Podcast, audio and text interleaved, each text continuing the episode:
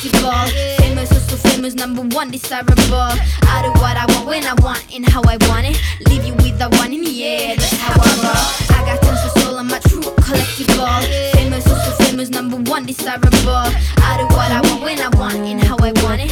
Leave you with the one in the air, that's how I roll. I got changes, so I don't care. endiselt mu kõrval valmis ja nädala selgroog on seljatatud ja saime siin mõnusalt maiustada päris äh, šokolaadi. Ehk siis äh, kelle ruumides ka me oma podcast'i teeme, et need on väga toredad meie koostööpartnerid ja soovitame soojalt, kui äh, tahate jõuludeks kellelegi mõnusa jõulukingi teha, siis neil on väga ilusad package'id ja väga ilusad kingikarbikesed, nii et magusameistrid.ee sealt leiate, leiate head, mõnusat, paremat aga äh, alustame saatega ja lähe, hakkame peale, et äh, meil on täna tegelikult äh, saates üks külaline, kes äh, ise kirjutas meile ja eks me siis uurime, et äh, miks ta siis äh, meile kirjutas äh,. tegu on siis äh, Mariann Kiidroniga ja tere sulle! tere! Põgusalt siis mõned laused Marianni kohta ütlen ja siis saamegi hakata tulistama Mariann on terapeut, kirjanik ja luuletaja, naiselikkuse päästaja, tantriõpetaja, esineja, kõneleja. ta viib läbi koolitusi, töötube, naistekursuseid, tantrakursuseid, laagreid, ringe, rituaale, siserännakuid, meditatsioone ning korraldab ka aeg-ajalt luulekontserte ja, ja annab joogatunde. samuti on ta andnud välja kolm raamatut, üks nendest on Minu kuningas naiselt mehele armastusega ja siis Mariann võib ise öelda selle kolmanda, kuidas seda hääldatakse täpsemalt. see on äh, tegelikult teine, kolmandaga on hästi, kolmas on Naine maskideta, seda sa oleks ise ka rahulikult Aha, öelnud, aga ma arvan, et sa tahtsid, et ma ütleksin selle idi. Daragoi, on ju, idi Nahu Daragoi, jah, see on, see on selline statement, ma võin sellest pärast rääkida, et miks selline miks selline pealkiri, aga sellega on Mhm. niisugune vahva äh,, vahva poleemika ja põnevus alati, alati üleval, et oot, noh, kuidas ma seda Mhm. pealkirja siis nüüd ütlen. keegi läks sinna raamatupoodi, siis ma tahtsin küsida, ei leidnud üles, siis mõtlesin müüja käest, et oota, kuidas ma nüüd küsin, et mis raamatut ma otsin, onju. aga lõpuks ikka leiti üles. ja Mariann on ennekõike aga tähendab, ta ütleb seda ennekõike, et ta on lihtsalt inimene ja naine, kes käib oma teed, avastab elu müsteeriume, just nagu sinagi, armas kuulaja. kõik, mida ta teeb, teeb ta ennekõike iseendale. aga Mariann, miks sa siis meile kirjutasid? no hästi lihtne põhjus, sest üks põhiline asi, millega mina töötan, on äh, naiselikkus. ja just need naiste retriidid, eile meil oli väga-väga imeline, maagiline, selline tõeliselt äh, pehme armastuses voolav äh, naiste ring minu juures metsas, minu metsakodus. ja panime sellele nimeks Veenuse tervendusõhtu armastuse puudutus ja ma töötan tõesti palju naistega ja naiselikkusega, see on olnud minu enda teekond. ja kui ma siis nägin, et minu hea sõbranna Birgot Kivinurm oli käinud oma äh, raamatuga siin Seksuaalne otse ja ausalt äh, teeb, vaatasin, oo, selline podcast on olemas nagu Ausad naised, mis on no kuule, et äh, selles podcastis ju ometi peab rääkima, kui inimene nii palju naistega ja naiselikkusega töötab ja ja siis ma võtsin jah ise ühendust. väga lahe jah, tere ka minu poolt, armsad kuulajad. mis on hästi lahe, on see, et me peame olema, ütleme siis ausalt, kes need, kes meile kirjutavad, me peame, peame olema hästi kriitilised, sest et meil on piiratud aeg ja meil on palju inimesi ja me salvestame ainult korra nädalas, ehk siis me väga hoolikalt nagu vaatame, et et keda me kutsume ja keda huvitab ja kui sa meile kirjutasid, siis meil nagu kohe tekkis sellise, selline hästi positiivne ja soe emotsioon, et me nagu väga ei kaalunudki, me lihtsalt olime mingi, et okei okay,, mis, millal me nagu teeme. et väga lahe, et sinuga tekkis kohe selline huvitav ja mõnus energia, et äh, ma tegelikult küsiks, sa tulid siia ja siis mm. sa manustasid mingit huvitavat asja, mis on väga huvitavas purgikeses, mis Mm. see on? jaa, see on äh, tinktuur. Selle tegi mulle üks äh, teine vägev naine. sellised äh, nõianaised, nagu me oleme kõik, igaüks oma maagiaga, igaüks oma nõidusega, on ju, et äh, et mina sellistes oma tegemistes sõnadega ja teraapiatega ja, ja nende selliste ühiste ruumi hoidmistega ja tema on selline tõeline, tõeline maag mm, igasuguste taimede ja jah, taimedest erinevate selliste nii segude kui ka, kui ka muude asjade valmistamisel. ja see on siis spetsiaalselt mulle tehtud tema selline ähm, nõiatinktuurikene ja siin on, siin on igasuguseid häid asju sees, siin on pojengi juurt, siin on pojengi ja roosiõied, siin on vesiroos, siin on aiavaska ja siin on pojengi lillevesi ja see paneb mind õitsema. Et meil on elus, eks ju, naistena, kui me vaatame nagu oma tsüklit ka, siis tegelikult meil on kuu lõikes põhimõtteliselt, me käime läbi neli aastaaega et me oleme vahepeal nagu seal, kus me oleme täiega õides, on ju, ja siis me oleme vahepeal seal, kus me oleme nagu õide puhkemas natuke, siis vahepeal oleme seal talves, kus tahaks rahulikult teki all olla ja ja üldse mitte õitseda ja kellegagi väga rääkida ja nii. ja kui ma oma selle hea sõbranna juures viimati olin, siis ta ütles, et tead, ma näen, et no see on mitte nüüd kuu lõikes, vaid kuidagi laiemalt elus nagu, et sa oled nagu justkui, sa nagu täiega õitsed, aga sul need õied on natukene nagu, et nagu päris ei, ei avane veel või natuke nagu siukesed ootavad. Ja, ja siis ta tegi mulle sellise tinktuuri, et see paneb õide puhkema no väga lahe, seal need koostisosad tunduvad olevat ka sellised, et tõeline paneb, paneb lausa särama. et see naiselikkuse teema, sa ütlesid kuidagi väga ilusti, et me oleme aasta aega tegelikult, ma tunnen, et see naiselikkuse teema kõnetab mind just sellepärast, et ma kuidagi olen aru saanud, et varasemalt ma olin hästi nagu mehelikus energias mm., et mul oli hästi palju nagu seda häbitunnet selle osas, et nagu tõeline naine ja kuidas ta peaks käituma ja no kõik sellised ilusad asjad, mida ma pidasin nagu imelikuks või et nagu oli häbi ja nüüd ma olen nendega nagu nii kontakti saanud, et kõik sellised asjad on nagu kuidagi nii nagu imelised ja, ja nendest on nii lahe rääkida ja neid teha ja kuidagi see teema on nagu nii ma arvan, sellest ei saa kunagi liiga palju rääkida, et see on nagu hästi lahe ja, ja minul on äh, see, et äh, minu loomuliku või äh, nagu alateadlik selline viis on olla mehelikus energias ja ma pean ennast nagu tagasi tooma kogu aeg naiselikkusesse teadlikult, et ole nüüd seal, vaata mm. -hmm. või et nagu ole nüüd see natuke voolavam tüüp ka, vaata, et, et mitte nagu nii kogu aeg mehelikkuses olla. selles osas me oleme väga sarnased see on hästi huvitav, et te seda niimoodi mainite, sest äh, noh, tegelikult meie sees on mõlemad energiad mm. -hmm. meil on yin ja yang, meil on Shiva ja Shakti, meil on, on ju Carl Jungi järgi animus ja anima, ehk et kui ma olen naine, siis on äh, minu meespool on animus ehk minu, minu meesalge. ja tegelikult see on hästi huvitav, et mul naiste retriitidel ja ringides ja ka teraapiates sageli naised ütlevad täpselt sedasama lauset. ma olen nii mehelikus energias, ma ei ole oma naiselikkusega kontaktis ja siis on nii huvitav, et äh, kui ma kuulan neid natuke edasi ja nad räägivad sellest, et äh, kuidas nad toimetavad, mida nad teevad, mida nad naudivad, ma olen, vau, sa oled nüüd vägevalt oma naiselikkusega kontaktis. Mm. no väga lihtne näide, üks selline vanem naisterahvas natuke osales online kursusel nädal sisemise naisega ja oi, ma olen nii mehelikus energias ja siis samal ajal ta räägib, et tema igahommikune selline põhiasi, mida ta teeb, on see, et ta käib äh, paljajalu äh, ja, ja maapinnal, on ju, mis on täiesti imeline viis ju ühenduda emakese maaga. ehk siis meie sellise tõelise naiseliku sellise ürgse, ürgse jõuga, et väga naiselik instinkt iseenesest on seda teha.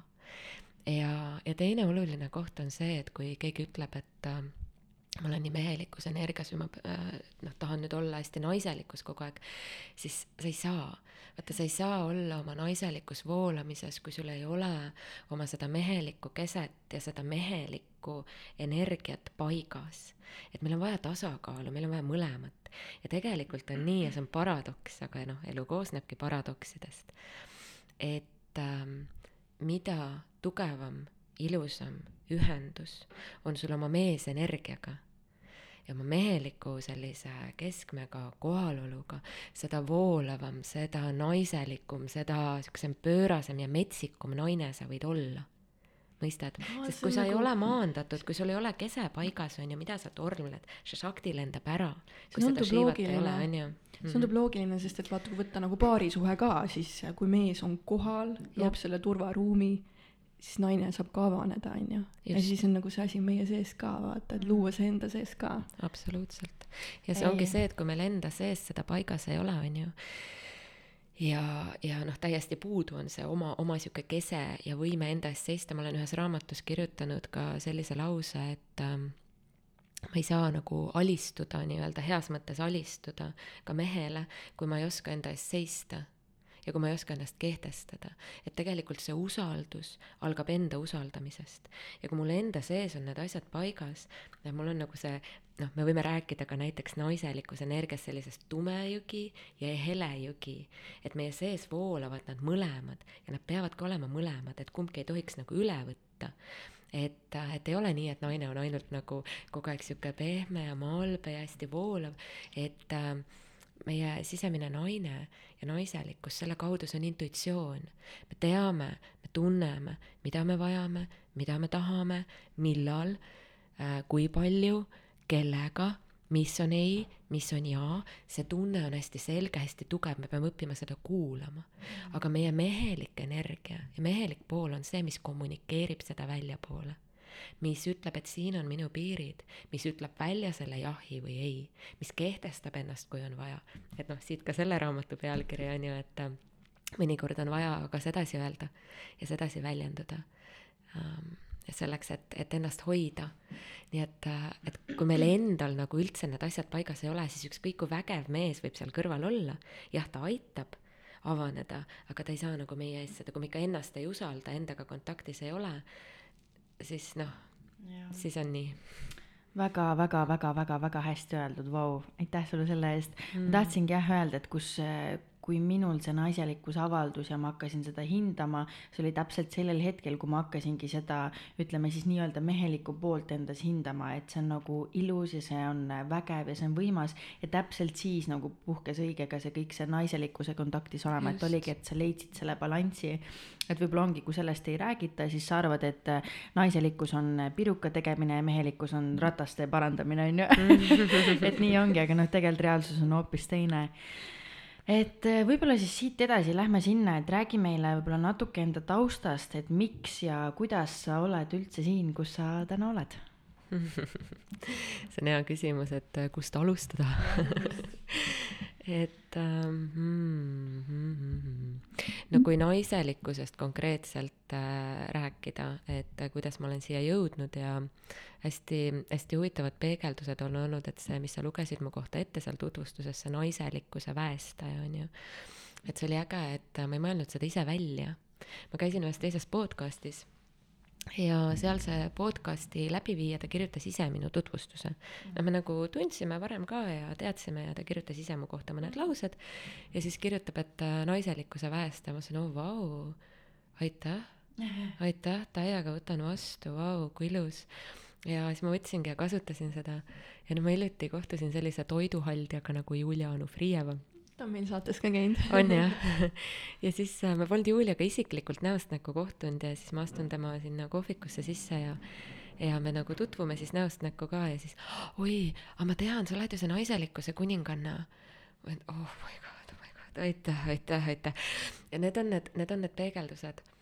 ja nüüd see küsimus, et kuidas ma siiani jõudnud olen, et äh, ma töötan teiste naistega, et äh, mul on oma naiselikkusega hea kontakt, mehelikkusega ka see on olnud teekond aga see teekond algas sellest mõnes mõttes väga sarnane koht, nagu teie siin rääkisite, et äh, ma olin ikka väga mehelikus energias.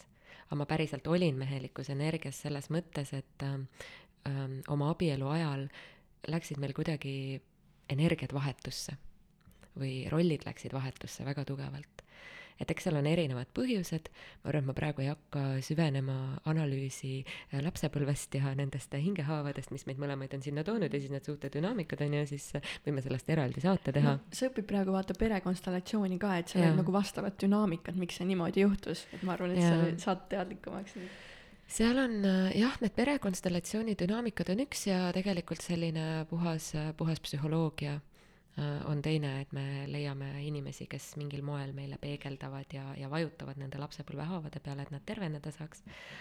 aga no igatahes äh, mina, äh, mina olin läbi elu läinud sellise tõe, tõelise nagu raudnaisena.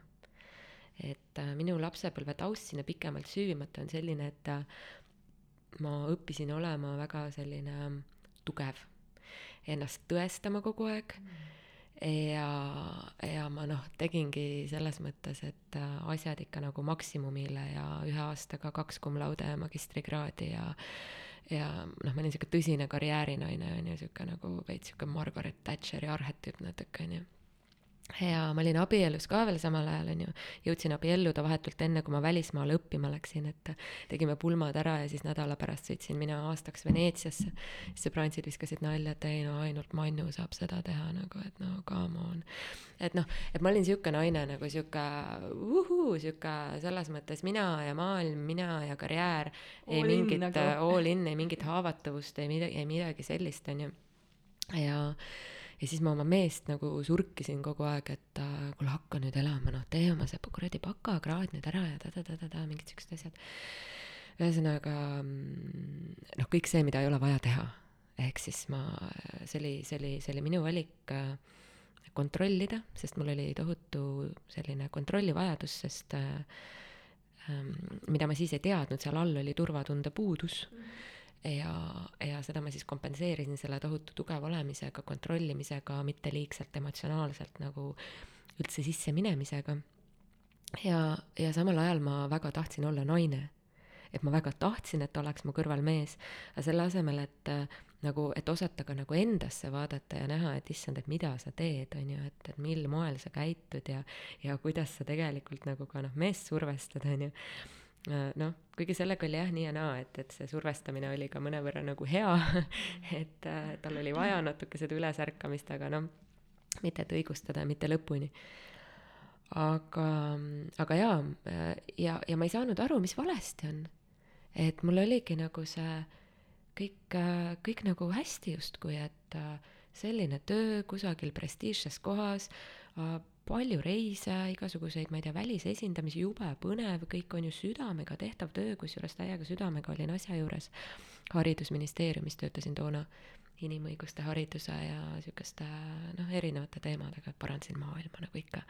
seda, seda ma olen nagu kogu aeg teinud, see on sihuke läbiv joon olnud, et see süda on nagu tuksunud ikka kuhugi selles mõttes samadesse väärtustesse ja trennid on, hobid on, kõik asjad on, abielus oled äh, ähm, ilusas kohas elad Tallinnas, mees teatrisse ka tuleb, on ju, noh, kõik on nagu, kõik on just nagu olemas, on ju.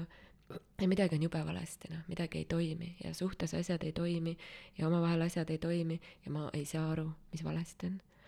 ja kui ma läksin siis esimest korda ise psühholoogi juurde, ma mõtlesin, okei okay,, siis noh, ma siis lähen, noh, mingi viimane piir oli, mul oli tunne, et ma hakkan hulluks minema, on ju.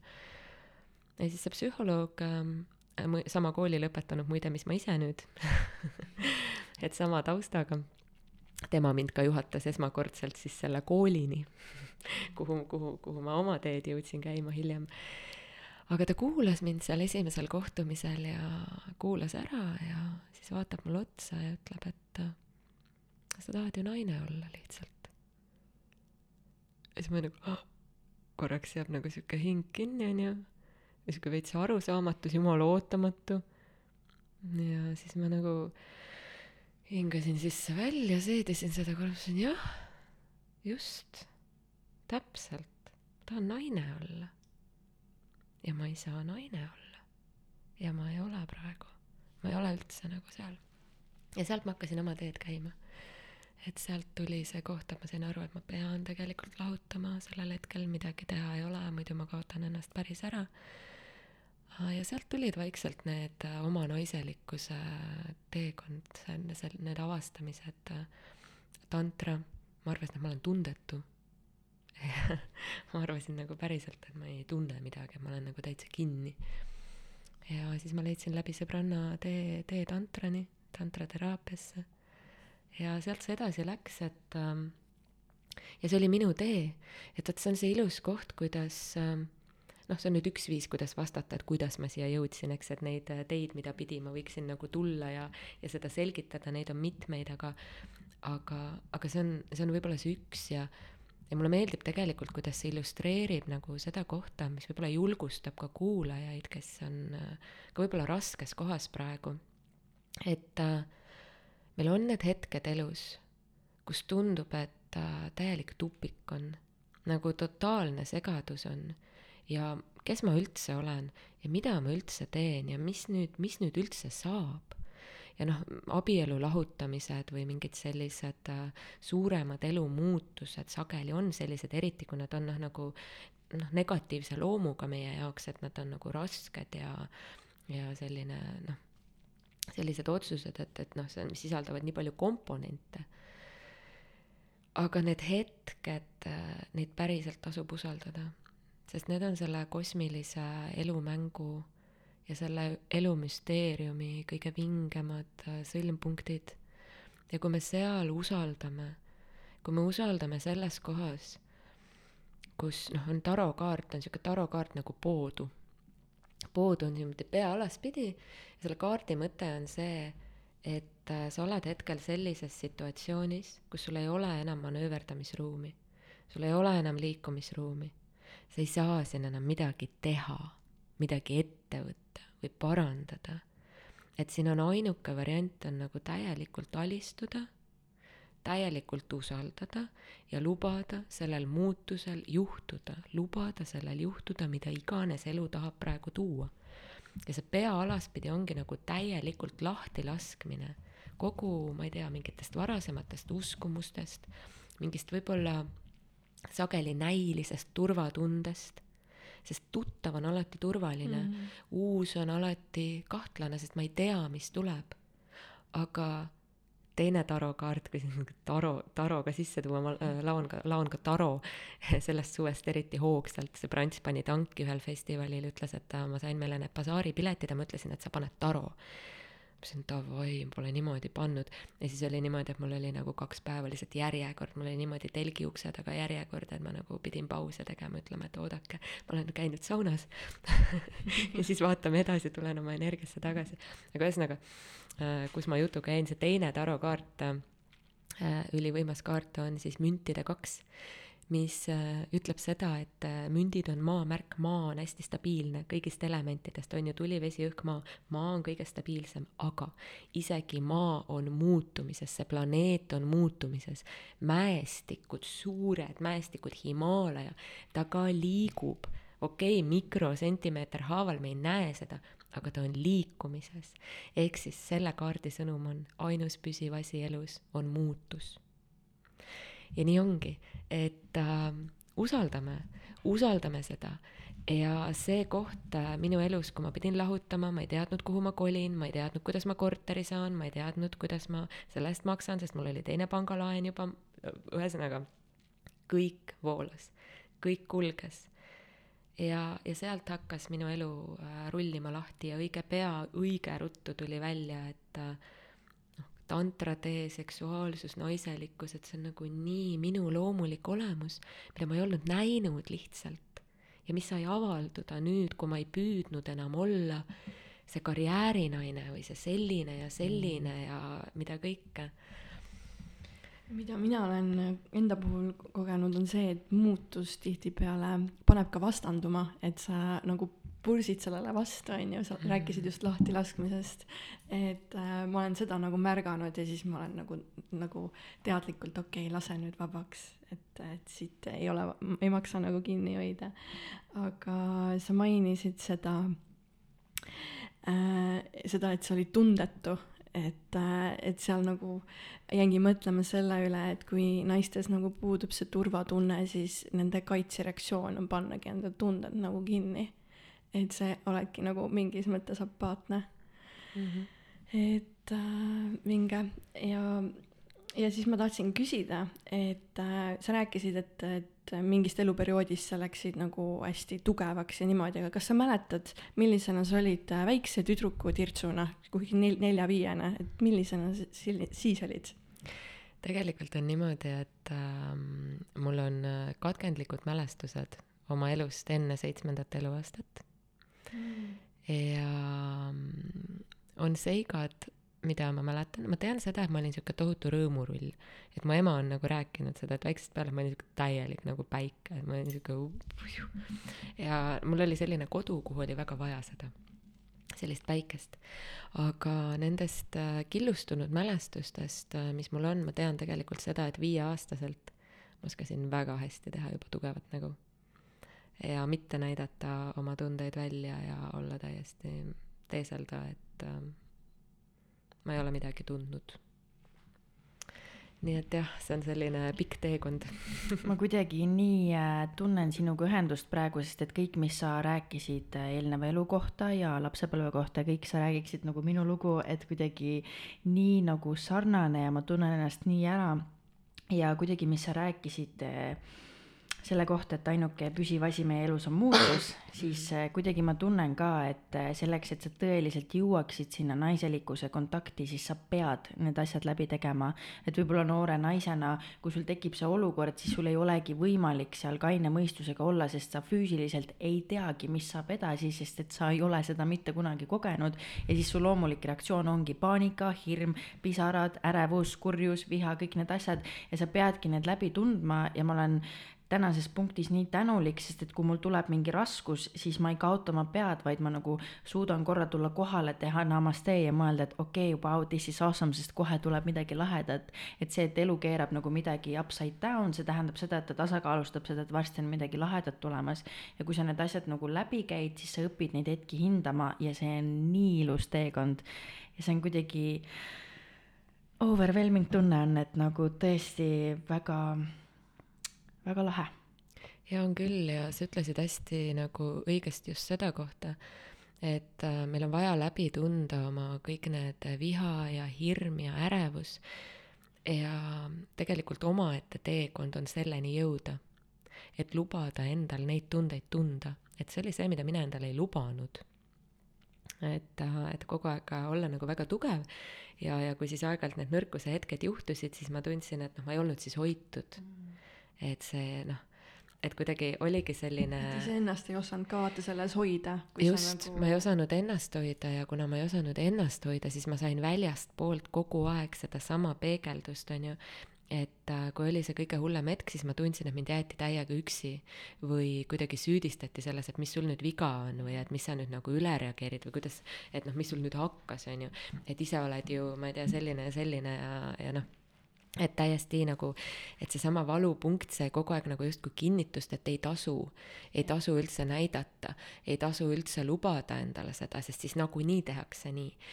ja siis äh, on nii lihtne, no psühholoogias on selline sõna nagu projitseerimine, et me projitseerime mingi sellise sisemise mm, tunde või, äh, või rahuldamata vajaduse või mille iganes nagu noh, kellelegi teisele väljapoole. ja siis on hästi lihtne projitseerida, et see on tema süü, sest tema käitus niimoodi mm. -hmm ja noh, tegelikult ta käituski niimoodi ja see on tema vastutus, on ju, ja see oligi inetu ja see ei olegi okei. Okay.. et noh hmm,, et kui me räägimegi suhetest ja me räägime näiteks noh, sellest samast, mis, millest ka siin raamatus on, on, on juttu, sellest idi- raamatus et seal on äh, kaassõltuvusest juttu ja, ja kaassõltlane on, äh, on sageli, kui ta on suhetes, ta on ebaturvalistes suhetes, kus äh, noh, partner tihti käitubki väga ebaturvaliselt ja, ja, ja noh, jättes teda nagu selles mõttes ka emotsionaalselt üksi muuhulgas ja, ja mitte toetades ja kõik need asjad. et siin on, on nagu kaks poolt, et noh, see on nagu hästi selline mm, mitmetahuline ja peen mäng et ühelt poolt jah, me projitseerime, me ütleme, et see on tema süü, tema viga, tema käitus nii, meil pole vaja nagu oma asjadega tegeleda. et oota, et aga noh, et, et, et mis see nagu minu sees on või et, et miks ma nagu samasse olukorda satun niimoodi? Ja miks mul üldse on nii raske oma tundeid näidata, et seda nii harva juhtub ja kui see harva siis juhtub, siis on nagu halvasti, on ju. Mhm saan, saan, saan seda peegeldust, et ühelt poolt jah, et mul on vaja see projektsioon nagu maha võtta, tulla ja vaadata ka enda sisse, et kuidas ma selle nagu nõiaringi lõpetada saan, on ju. aga teiselt poolt, äh, kui me nagu siis saame, hakkame nii-öelda teadlikuks saama, mida ma nagu ka sageli kohtan, ja siis me argumenteerime enda jaoks nagu halvad suhted, kus me peaks ütlema ei, kus me peaks võib-olla ütlema suisa ei hmm, tii-, on ju äh, et me argumenteerime selle enda jaoks ära, et oo, et jah, et aga ta lihtsalt peegeldab mulle midagi. ta toob mul, ta toob mulle üles need kohad, millega mul on vaja tööd teha, nüüd ma lähen jälle teen endaga tööd. ja, ja see on nagu teistpidi nõiaring, et mõnes mõttes see on nagu jaa, okei okay,, sa võtad enda eest vastutust, aga teistpidi ei võta sest sa surud ennast kannatusse, argumenteerides selle niimoodi kavalalt niisuguse teadliku jutuga ära et siin on nagu kahtepidi nagu trikid see on äh, nii naljakas, et kui sa sellest räägid, siis ma arvan, enamus naised kuulates hakkavad ka naerma, sest et me kõik oleme seda kogenud ja see on nii naljakas nagu sihuke universaalne naistena läbi elatud asi. et ma tahtsin enda emotsioonide kohta ka rääkida, et eh, ma arvan, see tuleb ka sellest, et kui palju sul lubatakse neid emotsioone kogeda, et kui sa tuled võib-olla kogu ke-, eh, kodukeskkonnast, kus ei ole okei okay,, sa lähed suhtesse, kus see ka ei ole okei okay, mm. ja siis sul tekibki selline nagu müür, et eh, sinu emotsioonid ei olegi okei okay. mm.. mäletan, et minul lõpuks see kuidagi keris nii suureks, et lõpuks ma olin punktis, et kui keegi andis mulle minu käitumise suhtes tagasisidet, Bože moi, et siis ma olin lõpuks nagu nii nagu müür oli ees, et kui sa julgesid nagu mulle midagi peegeldada või öelda, et äkki sina oled midagi valesti teinud, siis nagu sealt tuli, et see oli nagu minu jaoks nii suur solvang ja mul tekkis mm -hmm. nii suur viha, et kuidas sa üldse julged mm. -hmm. et siis minu jaoks oli ka see koht, kus ma nagu õppisin ennast tasapisi nagu lahti tegema, avama, rahunema, et see on jah, nagu üks väga raske teekond, aga väga ilus teekond just, ja need asjad käivadki käsikäes, on ju, sest tegelikult noh, kui meil ongi, sees on nii valus, me oma tundeid kusagil väljendada ei saa, ei oska, seda turvalist ruumi ei ole, me ei oska ennast hoida, sest me ei saa isegi aru, et noh, kus ma üldse nagu hoidma peaks, mõnes mõttes olemegi nagu lukku pannud, on ju. ja, ja siis me oleme, tõenäoliselt oleme ka siuksed perfektsionistid, mille taga on omakorda sihuke häbitunne, sest äh, noh, jällegi psühholoogia ja lapsepõlvemaailma minna, et kui, kui laps kogeb kodus mida iganes, kes on nagu vägivald, kas see on alkohoolikust vanem, mis iganes see on, siis laps, äh, laps nagu hakkab häbi tundma enda pärast mingis hetkes. Ja sageli ka vanemad panevad selle nii-öelda oma nagu häbitunded ja häbikesta nagu projitseerivad lapsele, on ju, et tahtes, et nii ja nii, ja siis see laps kasvab, tuleb sellega ja siis ta üritab perfektsionist olla nagu kõike täpselt õigesti teha, on ju. Ja siis sa oled sellises kohas, sul on, sa oled niigi, sa oled oma tunnetega lukus, sa oled, sa oled väga perfektne, sa teed kõik õigesti, siis keegi kurat julgeb midagi kritiseerida, see tundub nii kohutavalt ebaõiglane. ja kuskil peab ju mingi ventiil pealt ära lendama, on ju, et kui ma ennast nagu mujal ei kaitse, ma oma tundeid ei väljenda, ma midagi ausalt nagu ei, ei julge ennast näidata, siis ma kusagil teen seda üle võlli. Mm., kusagil, kus pole võib-olla üldse vaja, näiteks mingi pisema kriitika peale võib nagu noh, selline laviin tulla siis seal on mul seda kuidagi turvaline teha, on ju. et kui ma nagu sellist. seal on nagu põhjus selleks. seal on nagu põhjus, on ju, ja kui ma seda viha nagu niimoodi välja lasen, siis see ei vii mind kontakti äh, mu nende sügavamate haavatud tunnetega, kus on võib-olla see kurb väike tüdruk või see häbitunne, ta kaitseb, selline viha kaitseb selle eest, et tunda seda, seda teatud häbitunnet või tunda ennast või haavatavana, on ju. et see on nagu selline ka kaitse, kaitsemehhanism. oh vau wow aga tegelikult ma tahakski kohe minna siis suhtesõltuvuse teema juurde, et muidugi nii sujuvalt oleme siin, et siis ma teised teemad jätan praegu vahele, võib-olla tuleme sinna peale seda tagasi. ma ei tea, mis sul need teised teemad olid muidu päris praegu kõne. ei ütle, aga ma arvan, me jõuame nendest ka rääkida, aga me tegelikult tundsimegi, et me sinuga tahamegi seda teemat rohkem puudutada, sest meil on teisi teemasid hästi palju juba saates olnud, aga keegi sellest teemast ei ole meile rääkinud mm.. et me tegelikult seda tahtsimegi rohkem puudutada. et ähm, võib-olla siis sa korra briefly puutusid, aga räägi siis meile natuke sellest nagu raamatust, et äh, kust see alguse sai, mis inspiratsioonid see sai kirjutatud, mis asi see üldse on mm.? no see raamat on äh, mul äh, hästi vinge tagasiside on selle kohta mm, tuleb, tuleb aeg-ajalt ikka kirjutatakse hästi puudutav, et äh, nii mehed kui naised kusjuures, et äh, tunnevad, tunnevad ennast ära, noh, noh naised muidugi rohkem, aga mehed ka.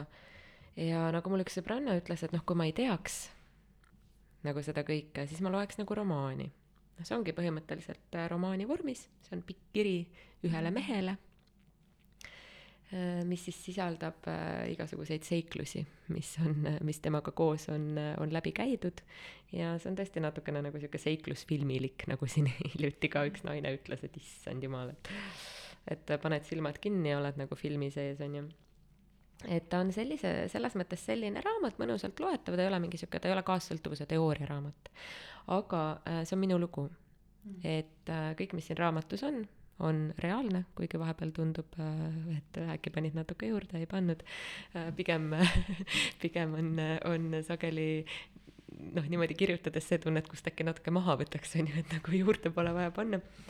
ja, ja ta lahkab äh, lahkab muuhulgas jah, tõesti noh, siin ongi alapealkiri on suhtesõltlasena suhtes ja lahkabki seda suhtesõltuvuse nähtust, aga mitte teoorias, vaid läbi konkreetselt selle ühe loo, et ma läbi iseenda üliausalt, ülialasti igal tasandil mm, räägin sellest, et miks ma sattusin äh, sellisesse suhtesse, sellise inimesega, miks ma tegin selliseid valikuid ühes või teises kohas ja ma lähen äh, hästi, hästi, hästi avatuks, äh, hästi sügavuti.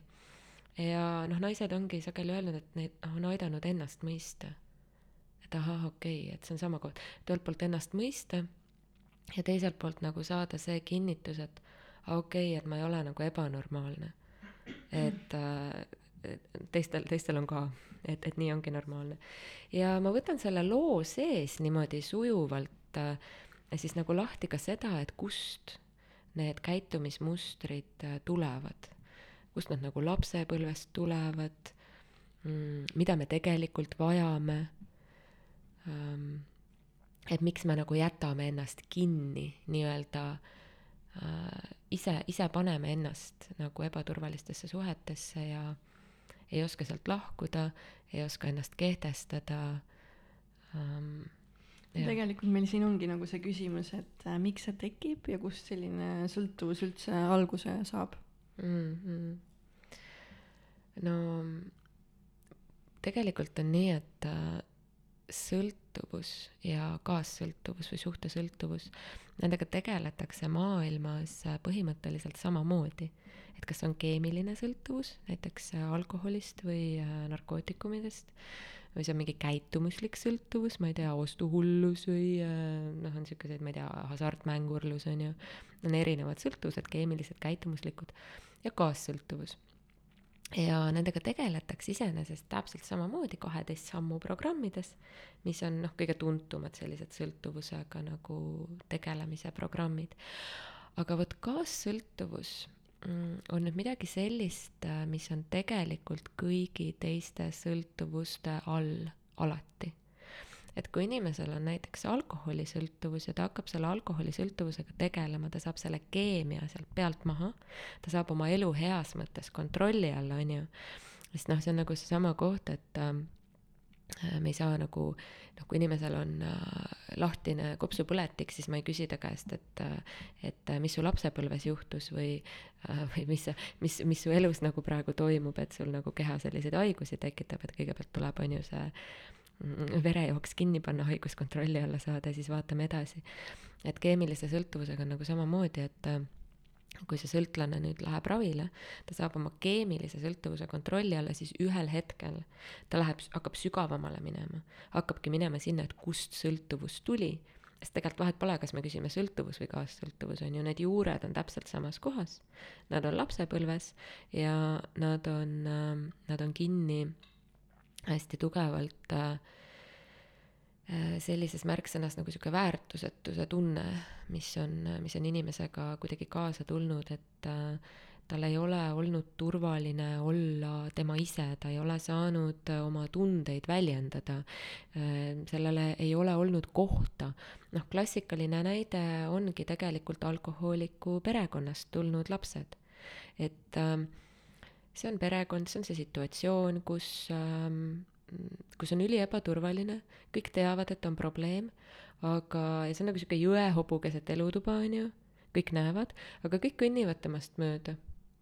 keegi nagu ei räägi sellest. noh, ma ei tea, oletame, et see on isa, kes on, kes on alkoholisõltuvusega ema, teeb näo, et äh, kõik on korras näiteks. või noh, võib-olla ta teegi nägu, et kõik on korras, et ühel hetkel laps näeb, et ema nagu on hüsteerias või, või, või karjub või ma ei tea, ähvardab, mis iganes. ja teisel hetkel, kui nad lähevad, ma ei tea, tädi juurde välja, siis mm,, siis teeb ema nägu, et kõik on hästi ja elu jätkub. ja kui laps nüüd tunneb mingeid äh, tundeid, ta saab aru, et asjad ei ole õigesti. ta saab aru, et midagi on valesti, ta ei tunne ennast turvaliselt. aga ta ei saa peeglit vaata, laps vajab peeglit, sest laps ei tea veel, ta on nii kasvav olevus, ta, ta ei tea, mis on nagu õige, mis on vale. ja vanemad on lapse jaoks jumalad. laps ei mõtle, laps ei oska kritiseerida vanemat. laps ei oska öelda, et kuule, see, et ta on vägivaldne või, või see, et ta joob, et see on nagu vale või see on nagu halb või niimoodi ei tohiks olla, et mul on normaalsed tunded, et ma olen nagu kurb ja vihane ja hirmul, on ju. laps ei oska niimoodi mõelda. laps mõtleb, et temal on midagi viga. Ja ta vajab seda peeglit noh, äh, oma, oma vanemate peeglit oma tunnetele. et näiteks, äh, kui ta tunnebki hirmu või kurbust, et siis see peegel, normaalne peegel on see, et jah, kallis, see on normaalne. et selles olukorras äh, ongi, see ongi väga kurb ja siin ongi väga normaalne kurb olla ja, ja, ja see, et sa tunned praegu hirmu, on ka nagu väga mõistetav. aga sageli perekondades ei ole, et kas siis nagu pehmelt on ju, võib-olla ka heatahtlikult, et oo, et äh, et ole nüüd hea laps ja ära nuta ja et kui sa, kui sul nii kole nägu on, siis ja, ma ei tea, keegi, keegi ei taha sinuga mängida, on ju, ja noh, mingid siuksed nagu süütud laused, aga noh, mis signaalid. või siis noh, halvemal juhul äh, ma ei tea, sihuke oma, oma tuppa üksi nutma saatmine või äh, või, või isegi karistamine mingite tunnete eest või nagu sihuke konkreetselt nagu valeks tegemine, et kuule noh, mm, et, et ole, ole nüüd nagu rahulik, et äh, ei ole midagi ja et mingid sellised asjad, sellised näited, et laps ei ole saanud normaalset peeglit ja ta on õppinud nagu ennast valeks pidama mingis kohas. ja ta ei ole saanud seda turvatunnet, armastust ja hoidmist. ja nüüd ta tuleb sellega ellu. ja, ja see on tema normaalsus. ja ta hakkab oma ellu nagu leidma siis sarnaseid inimesi. Noh, mõni Äh, noh, seal, seal on tohutu, seal on tohutu valu ju tegelikult, see armastuse puudus ja turvatunde puudus. ja, ja mõned, mõned inimesed, rohkem mehed, leiavad sinna peale enda jaoks väljapääsuna sõltuvuse. alkohol või narko või, või noh, mis iganes see hasartmängurlus, see on nagu enesemeditsiin, et mitte hulluks minna. sest äh, ma ei saa aru, mis toimub et mu ähm, peres on nagu selline olukord olnud, ma olen neid tundeid tundnud, ma ei ole saanud neid tunda, ähm, mind ei ole hoitud õigel hetkel, ma ei tea, kuidas, kuidas üldse olla, kuidas, kuidas abi küsida. mul on väga lihtne klammerduda inimestesse, mul on väga lihtne õppida ära see, et ma päästan kõiki teisi, et selle kaudu armastust saada eks, et ma olen hea laps, ma püüan olla, et siis ma olen enam-vähem turvaline või ma olen hea laps, ma püüan olla, ma toon rõõmu, siis ma saan nagu seda tunnustust ja armastust. kui ma midagi muud välja näitan, siis on nagu halvasti. ja noh, ja loomulikult ekstreemsemad näited on veel, on ju, kui on nagu täitsa nagu sihuke vägivald ja ka lapse enda vastu või siis nagu teise vanema vastu. Ja me tuleme sellega ellu ja see ongi üsna nagu hulluks ajav kaassõltlane ei tarbi midagi, kaassõltlane ongi selle kõigega, ta peab kuidagi hakkama saama. ja mis siis juhtub, on see, et äh, ta elabki seda mm, suhetes välja.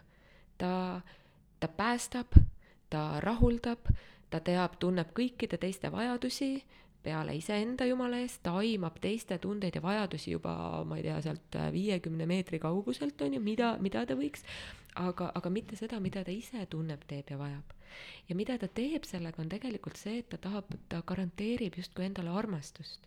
sest ta tunneb, et ta muidu ei ole nagu armastust väärt, see on see väärtusetuse tunne seal all, eks. ja, ja kui ta on suhtes alkohoolikuga, see on ideaalne kombo. ta saab tegeleda selle alkohooliku päästmisega. see on niisugune klassikaline näide. ta saab tegeleda tema probleemiga, kui ta läheb kuhugi ja ütleb, et vot, mehel on alkoholiprobleem täitsa lõpp jah, kogu aeg pean sellega tegema. siis on kaastundlikud pilgud ja tõesti väga arusaadav, indiid on ju, keegi ei tule selle peale küsida, et kuule, et aga mis su endaga toimub. tal ei ole aega endaga tegeleda, sest need enda teemad on nii valusad. Ja need valud on nii valusad, et äh, ta tegelikult ei taha seda teha, nii et see on noh, ühelt poolt nagu ka sihuke kaitsemehhanism, kui ma tegelen kogu aeg teisega, ma ju endaga ei tegele, on ju. minuga on kõik okei okay,, on ju mis siis, et ma olen ennast jumala ära kaotanud ja ma ei teagi, kes ma olen ja kogu mu elu on hõlmatud sellest ühest inimesest.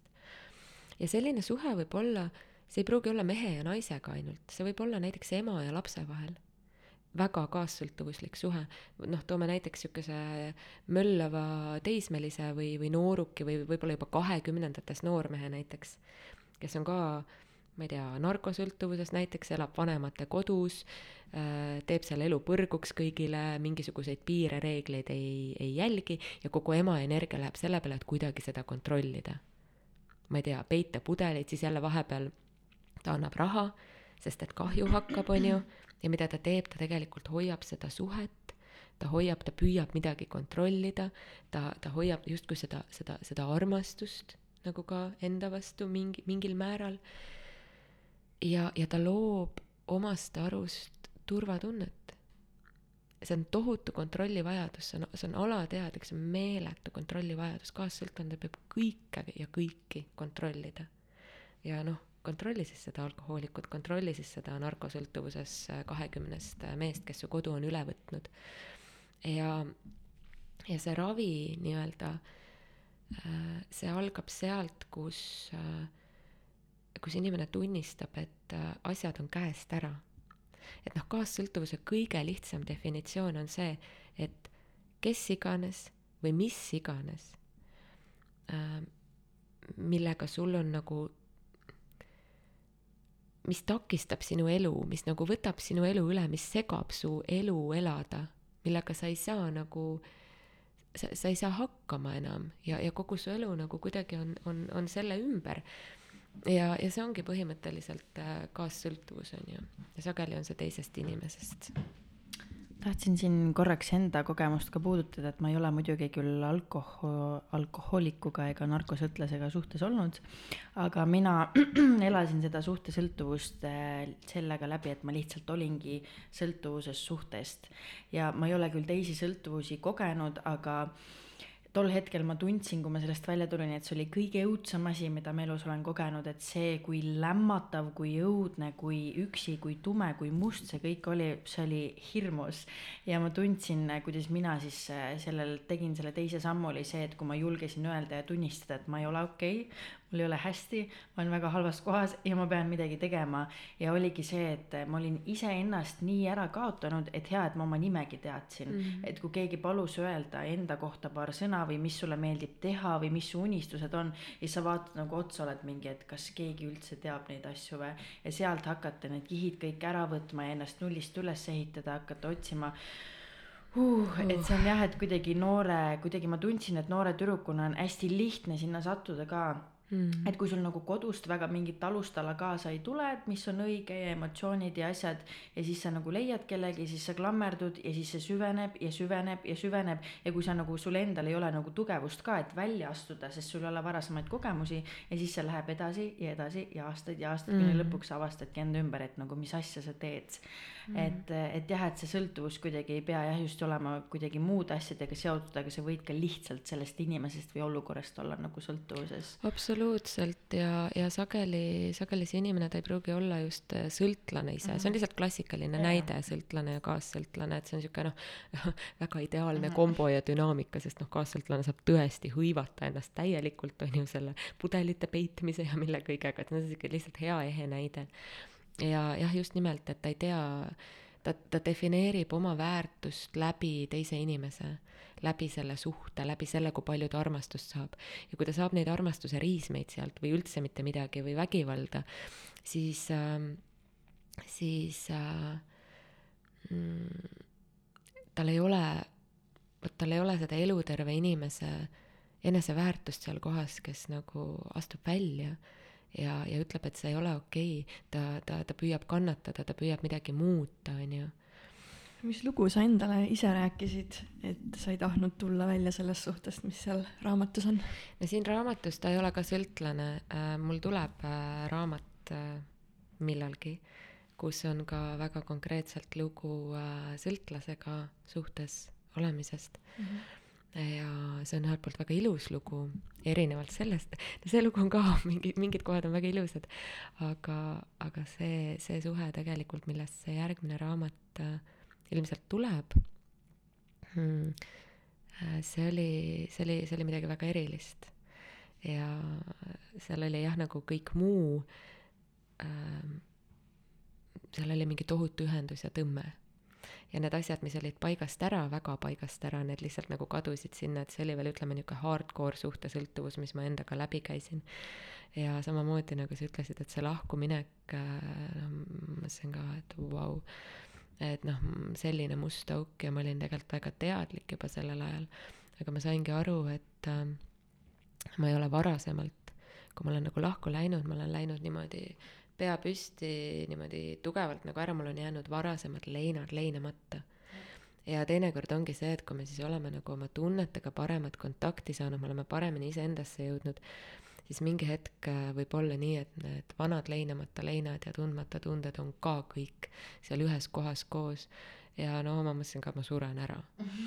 aga see oligi jälle, jällegi üks selline pöördepunkt, kus ma tulin välja tegelikult täiesti uuena ja ma ei oleks täna see, kes ma olen, kui seda ei oleks olnud.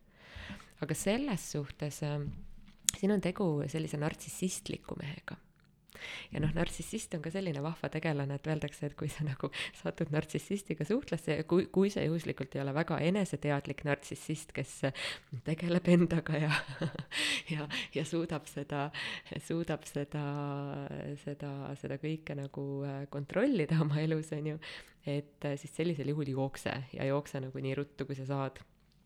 et see on nagu sellisest suhtest um, ma korra lõpetan veel selle kaassõltuvuse ja sõltuvuse eh, suhestamise, et vot ongi, et kaassõltlane on siis kõigi oma tunnetega kainena, on ju.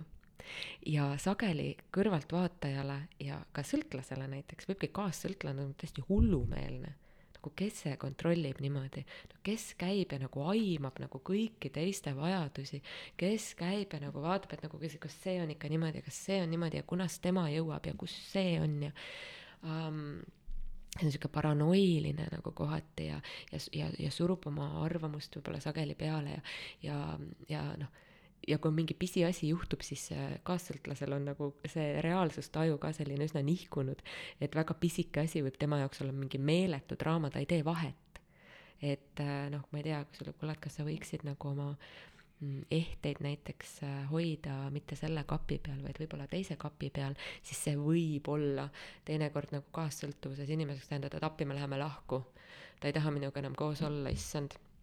Et noh, et see reaalsustaju ja piirid, et noh, kus see kaassõltlase tervenemine siis algab, on see, et asjad ei ole okei. Okay.. võtame selle lapse või, või nooruki näite, on ju, et mul on kodus niimoodi ja nüüd, kui tema hakkab vaikselt oma piire seadma, mitte ta ei peida neid asju, või pudeleid või mida iganes, mitte ta ei pane koduust lukku, et sa ei lähe välja, mitte ta ei anna talle raha, kui ta on noh, enam-vähem, ma ei tea, suremas seal, on ju.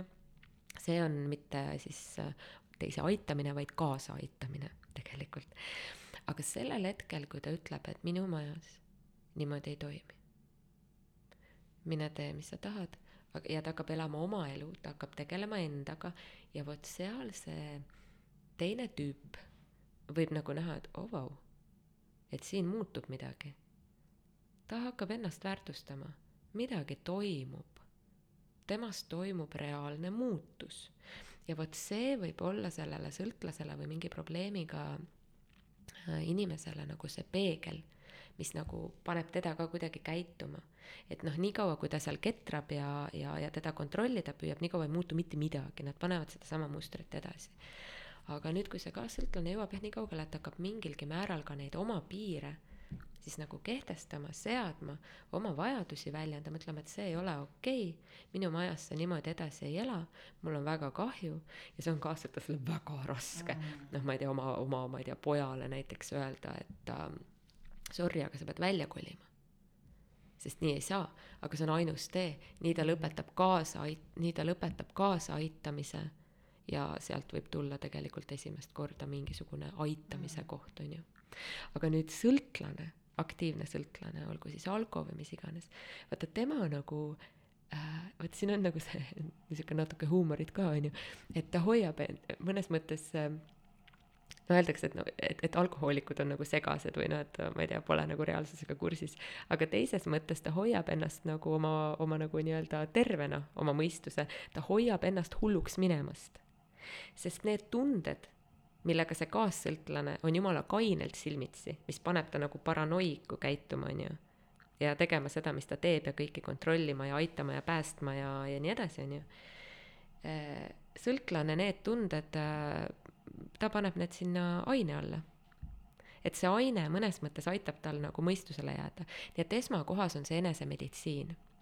aga nüüd ongi, et kui see sõltuvusravi jõuab siis mingisse hetke, siis tegelikult ta jõuab ka selle kaassõltuvuseni, mis on sõltuvuse all ja sealt äh, noh, võib tekkida üllatuslikult tal see koht, et kuramus, ma olen hullem kui see kaassõltlane, keda ma enne vaatasin, et täitsa soe peast, on ju mm tahtsin öelda see, mis sa rääkisid, et ähm, ma ei mäleta, kuidas sa täpselt ütlesid, aga kuidagi see andeks andmine või lahtilaskmine, ma tundsin, et mina ka nagu hästi mängisin seda ohvri rolli, et mulle meeldis rääkida, et kui halvasti mind koheldakse, mind ei armastata ja mulle tehakse liiga ja kõik sellised asjad, et nii tore oli neid asju rääkida.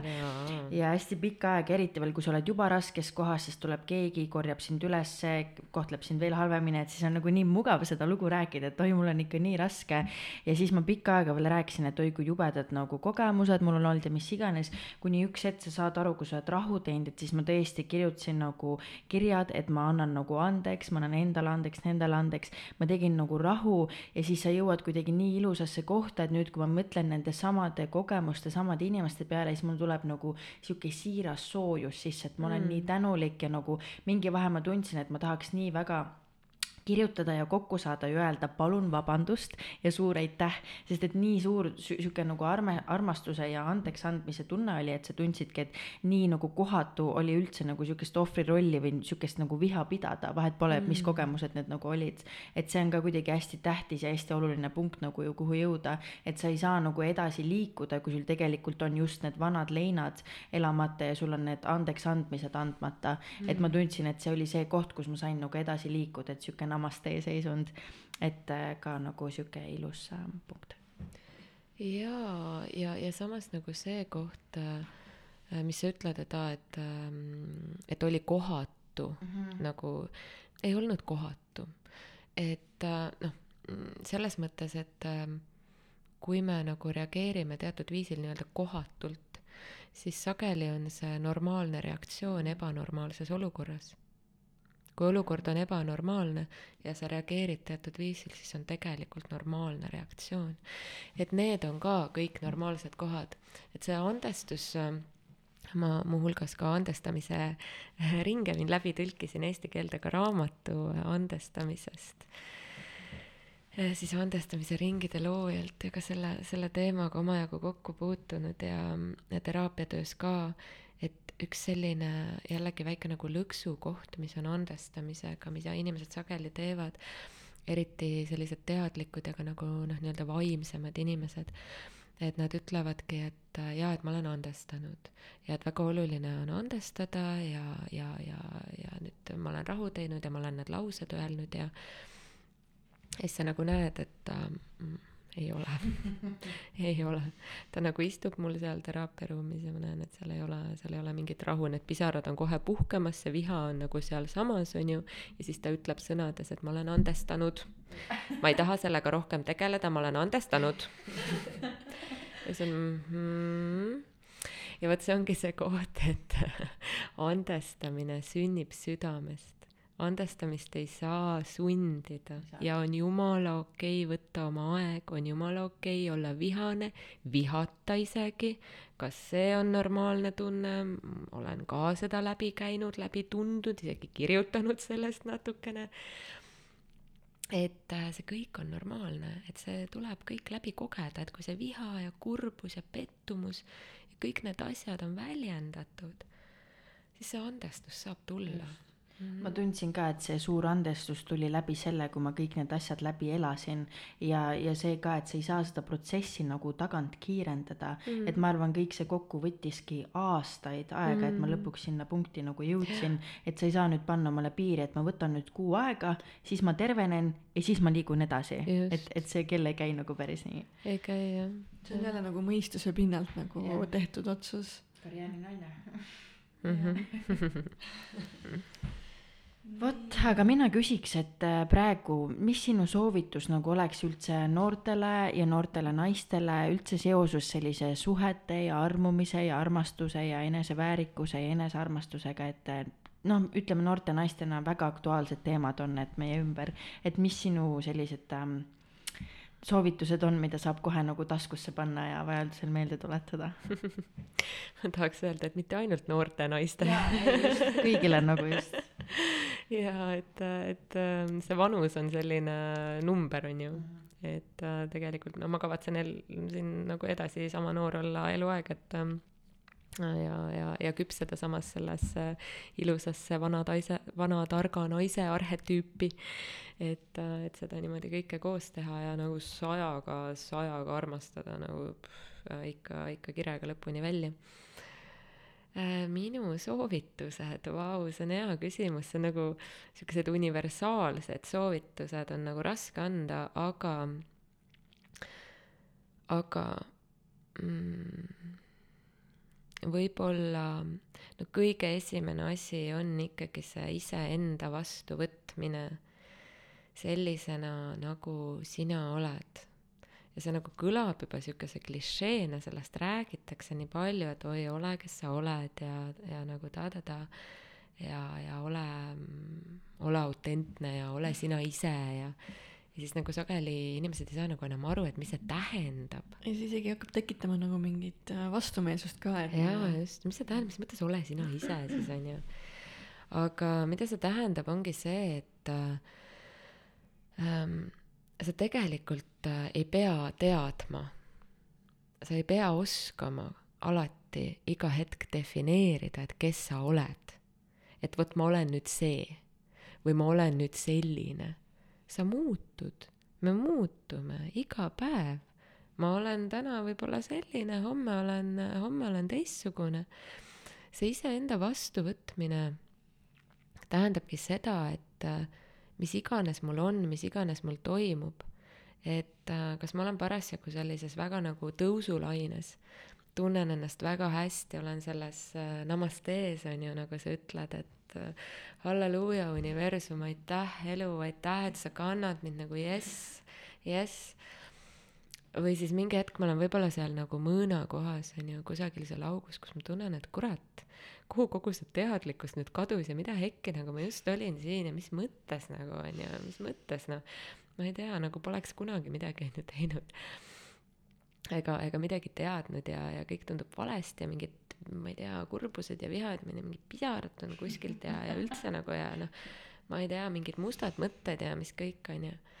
Ja see vastuvõtmine tähendabki seda, et mõlemas kohas nagu kogu aeg ennast vastu võtta, et väga lihtne on ennast vastu võtta siis, kui sa särad kuskil laval või, või sul on kõik hästi.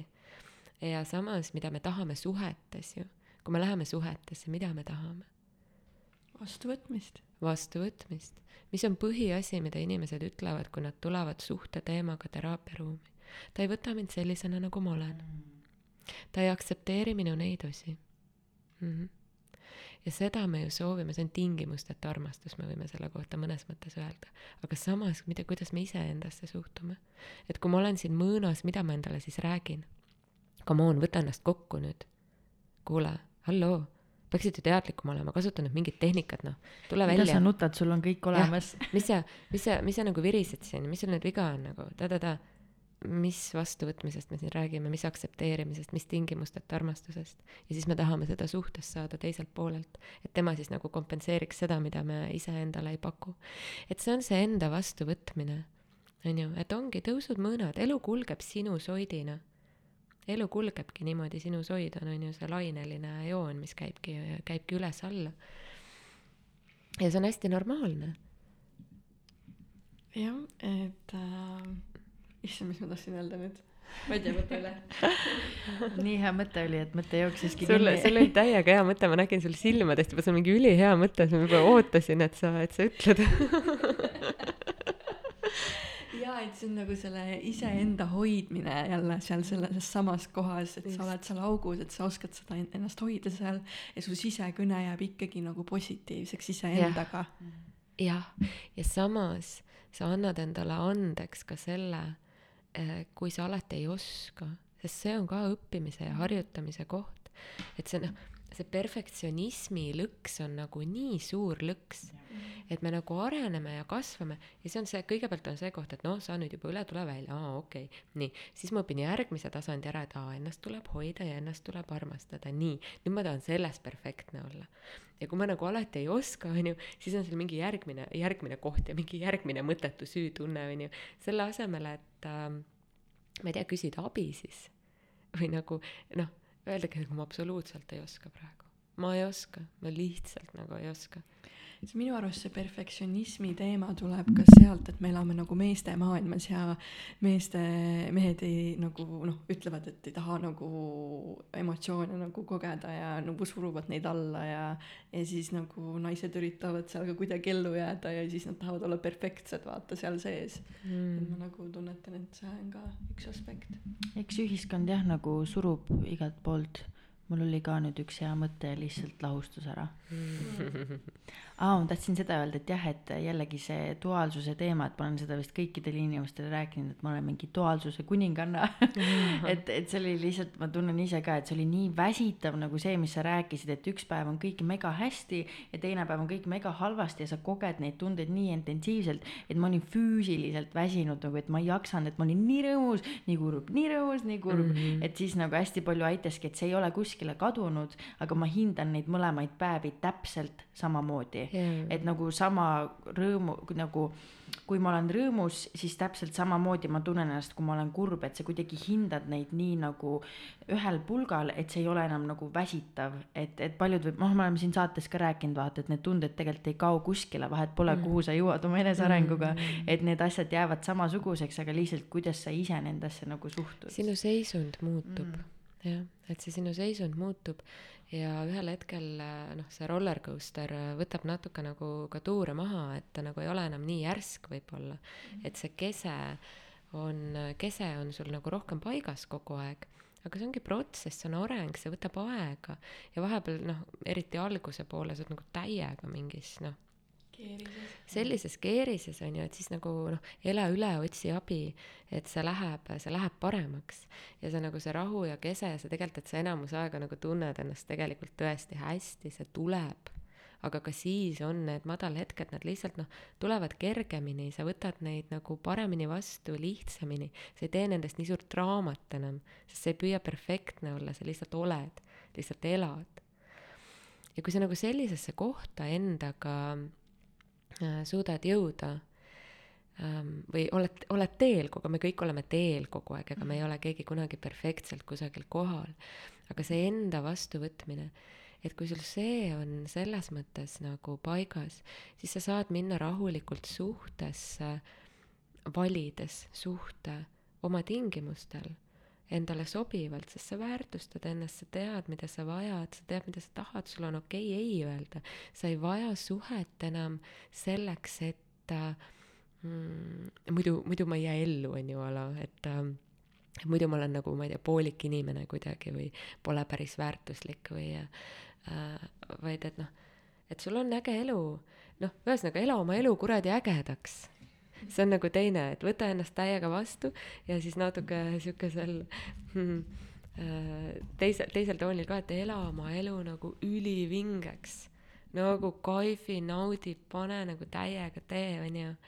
ja siis sul on see koht, et noh, kui sa valid suhet, sa lähed sinna sellest vabaduse kohast.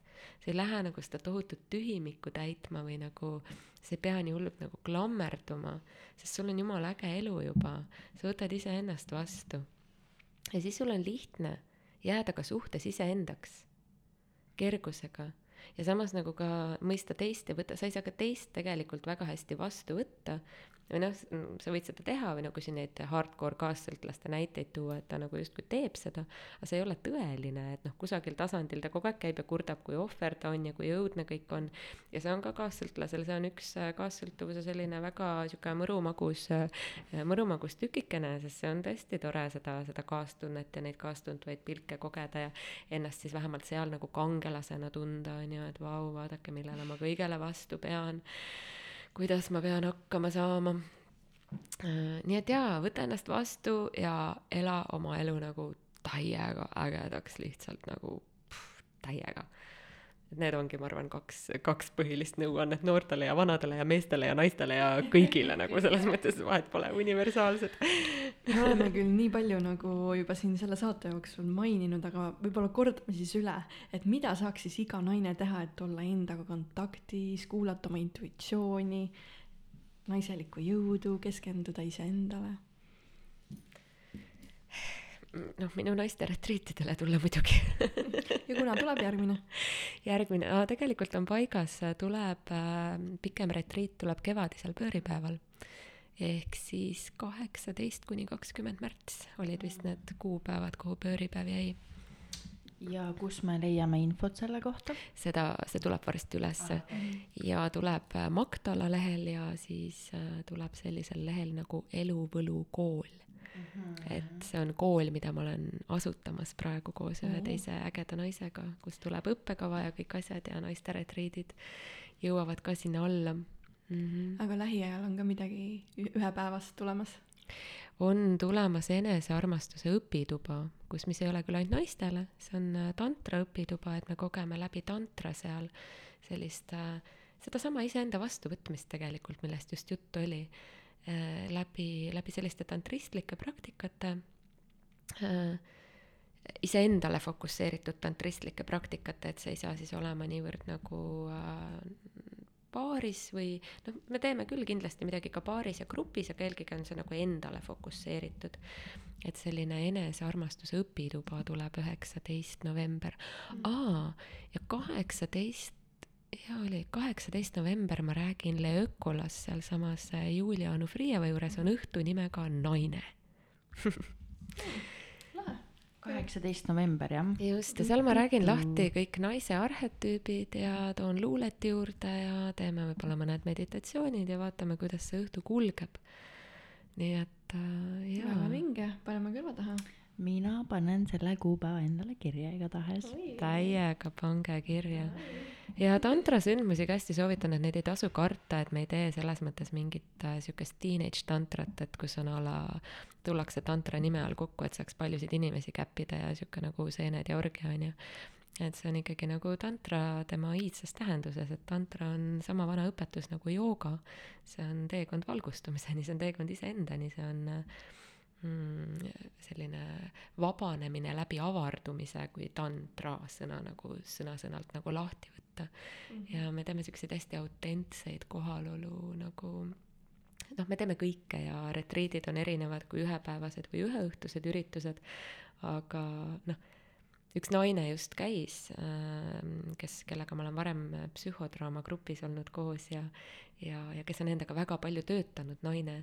Ja peale seda tantraretriiti ta kirjutas, et vau, et nende kahe päevaga ma kogesin rohkem ja sügavamalt iseenda vastuvõtmist, oma keha vastuvõtmist, kui ma olen läbi aastate nagu, nagu saanud, et noh, et selline nagu mõju, sest meil naistena eriti on ülioluline oma keha mm. vastu võtta, et meestel on nagu see kehakriitika väiksem, on ju, aga naistel just, no kas mul on, siin on mingi voldike või äkki mul on kõht siin natuke palju, et oi, mul on siin tselluliit. noh, et sellised asjad, et see enda vastuvõtmine on meil ka hästi palju oma keha vastuvõtmine ja, ja oma, oma keha nagu armastamine jah, ma tunnen ise ka, et see tantra teema on mind tegelikult hästi pikalt juba huvitanud, aga samamoodi ütlen ausalt, et mul on jällegi sihuke häbitunne ja eelarvamus ja hirm mm, -hmm. aga ma kindlasti tahan seda proovida, ma tahan äh, sinna maailma sukelduda, aga ma pean selleks äh, pean selleks ise valmis olla, seepärast lihtsalt tegema, just, just.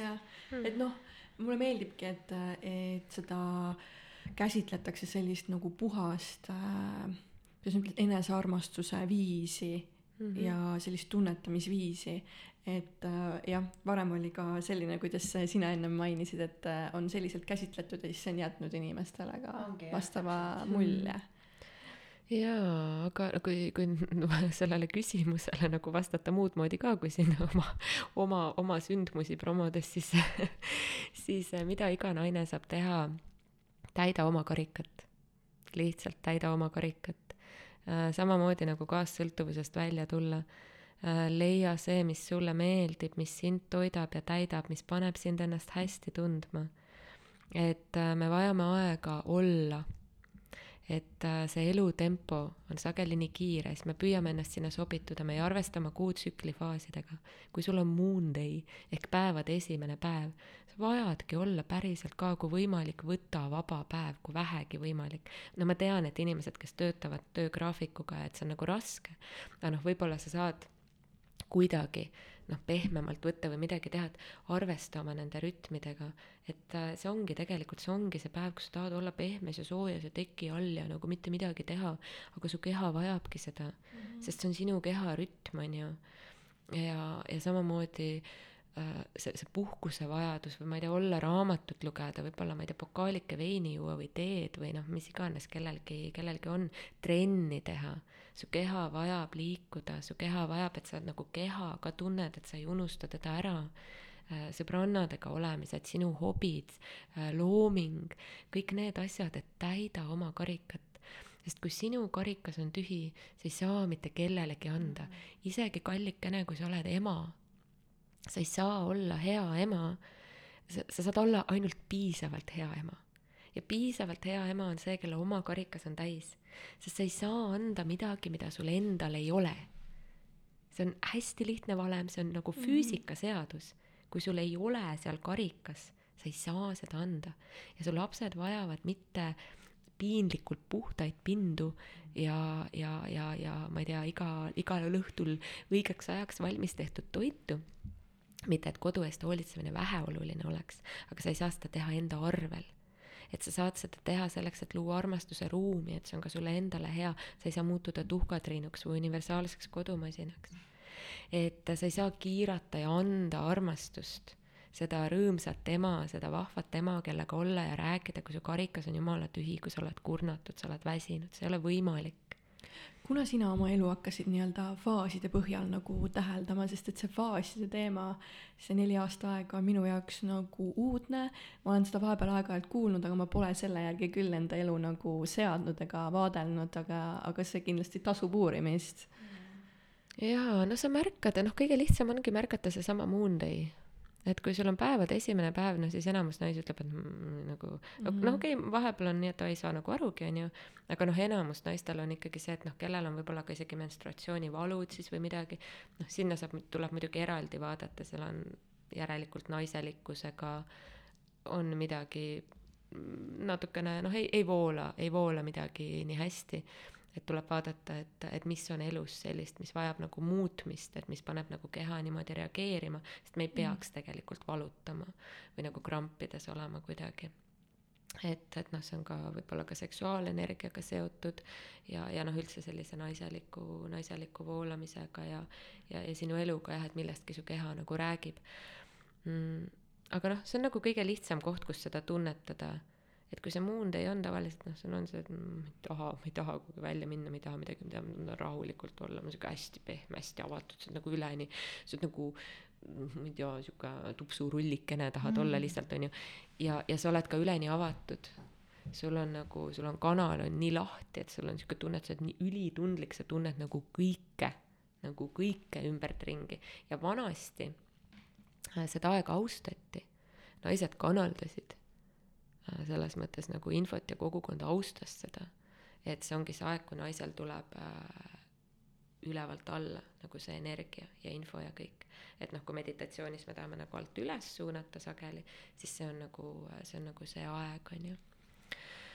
et äh, jaa, ma ei saa öelda, et ma nüüd ka olen nüüd sada protsenti, see ei õnnestu alati, sest noh, ka kui ma panen oma sündmuste aegu või midagi, siis noh, ma ei saa nagu ainult selle järgi sageli mm -hmm. minna, ma püüan võib-olla nagu arvestada, et see noh, Moon Day nagu oleks seal aga alati ei saa, et noh mm,, ikkagi on, et mis ajad nagu sobivad ja, ja millal nagu saab ja ma märkasin iseenda nagu reaktsiooni, kui ma esimest korda kuulsin nende faaside asjast, see on nagu mingi uus asi, on ju, ja siis ma nägin selle ära, kus ma hakkasin seda nagu blokeerima, et aa, mul ei ole nagu sellist asja küll vaja või miks see nagu vajalik on, et hakkasid kohe nagu hinnangut panema millelegi uuele, mida sa ei ole nagu kogenud ehk siis äh, ma ei tea, mis see näitab näitab, et tuleb uurida. mind on ka kuidagi, kui keegi on mulle öelnud, et ta on hästi teadlik enda nendest faasidest, perioodidest, kõik on tal nagu paigas, ma olen alati hästi imetlenud seda, see tundub olevat nagu sihuke üdini siiras ja puhas kontakt oma naiselikkusega mm, -hmm. et ma ei ole ka seda teinud ja ma ei ole sellesse teemasse sukeldunud, aga alati, kui keegi mulle räägib, siis mul on ka niimoodi, et vau wow,, how did you do that, et ma kindlasti tahaks ka seda uurida ja, ja tundub nagu väga, väga põnev teema mm. -hmm. no jaa, selles mõttes ma olen ise ka sellel äh, teel nagu sellega, et, et seda nagu veel rohkem enda ellu tuua aga, aga, aga see, et kui sa ei tunne seda vajadust praegu, et kui sul on hästi, et siis äh, ei tasu nagu üle mõelda, et siis on, siis ongi hästi, pane, pane edasi. et aga kui sa tunned, et noh, midagi on kusagil nagu noh, ei ole nagu päris see või sa mingil hetkel võib-olla ei tunne hästi ennast, siis hakka vaatama. et lihtsalt põhimõtte pärast või noh, nagu niikaua, kui sul kõik hästi on, siis ongi hästi, siis, siis do whatever you do ja see on hästi tähtis mõte, et eh, kui sa tunned ennast hästi, siis sa ei pea mingeid asju põhimõtte pärast peale suruma, et ma mm. pean seda endale vahepeal meelde tuletama mm.. aga tead, Mariann, sinuga oli tohutult imeline saade ja ma pean, ma ei ole küll Elisega läbi konsulteerinud, aga ma ütlen siin välja, et ma tahan sinuga teise saate teha kohe sada protsenti, kindlasti kolmanda võib-olla ka. Et meil on lihtsalt nii palju, mis jäi puudutamata ja ma tunnen, et sa kuidagi oled, sinu info on nii väärtuslik, et seda, mis sa tead, peab naistega jagama, nad oh, vajavad seda infot. et äh, meil tõesti jäi nagu väga palju puudutamata, aga see, mis sa rääkisid, on äh, kulla väärtusega ja et ma arvan, et praeguseks tõmbame otsad kokku, et meil hetkel oleme siin üks kakskümmend rääkinud, aga mina olen sulle siiralt tänulik, mu silmad on avatud, mu karp on lahti. Et igal juhul äh, südamest siirad tänud sulle ja võib-olla see ei jää viimaseks tänuks, sest et teine saade on ka kindlasti tulemas mm,. aitäh ja rõõmuga ja see tund ja kakskümmend on täiesti linnulennul läinud, nii et aitäh, mhm. naised, aitäh, aitäh.. väga äge, et sa meile kirjutasid igatahes, et sul oli see julgus vaata meile kirjutada, et sa tunnetasid. Et ja ma usun ka, et see on meie siia saate repertuaari väga vajalik episood. nii et kui teile ka kuulajad äh, see meeldis, siis äh, jagage, like ige, share ige, andke tagasisidet, review'd on väga teretulnud. nii et äh, seniks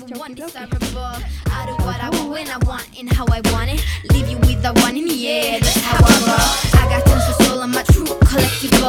Famous, also famous, number one desirable. I do what I want when I want and how I want Leave you with the one in the air, that's how I roll. I got teachers, so I don't care about no gold. Better, so much better, flipping incredible.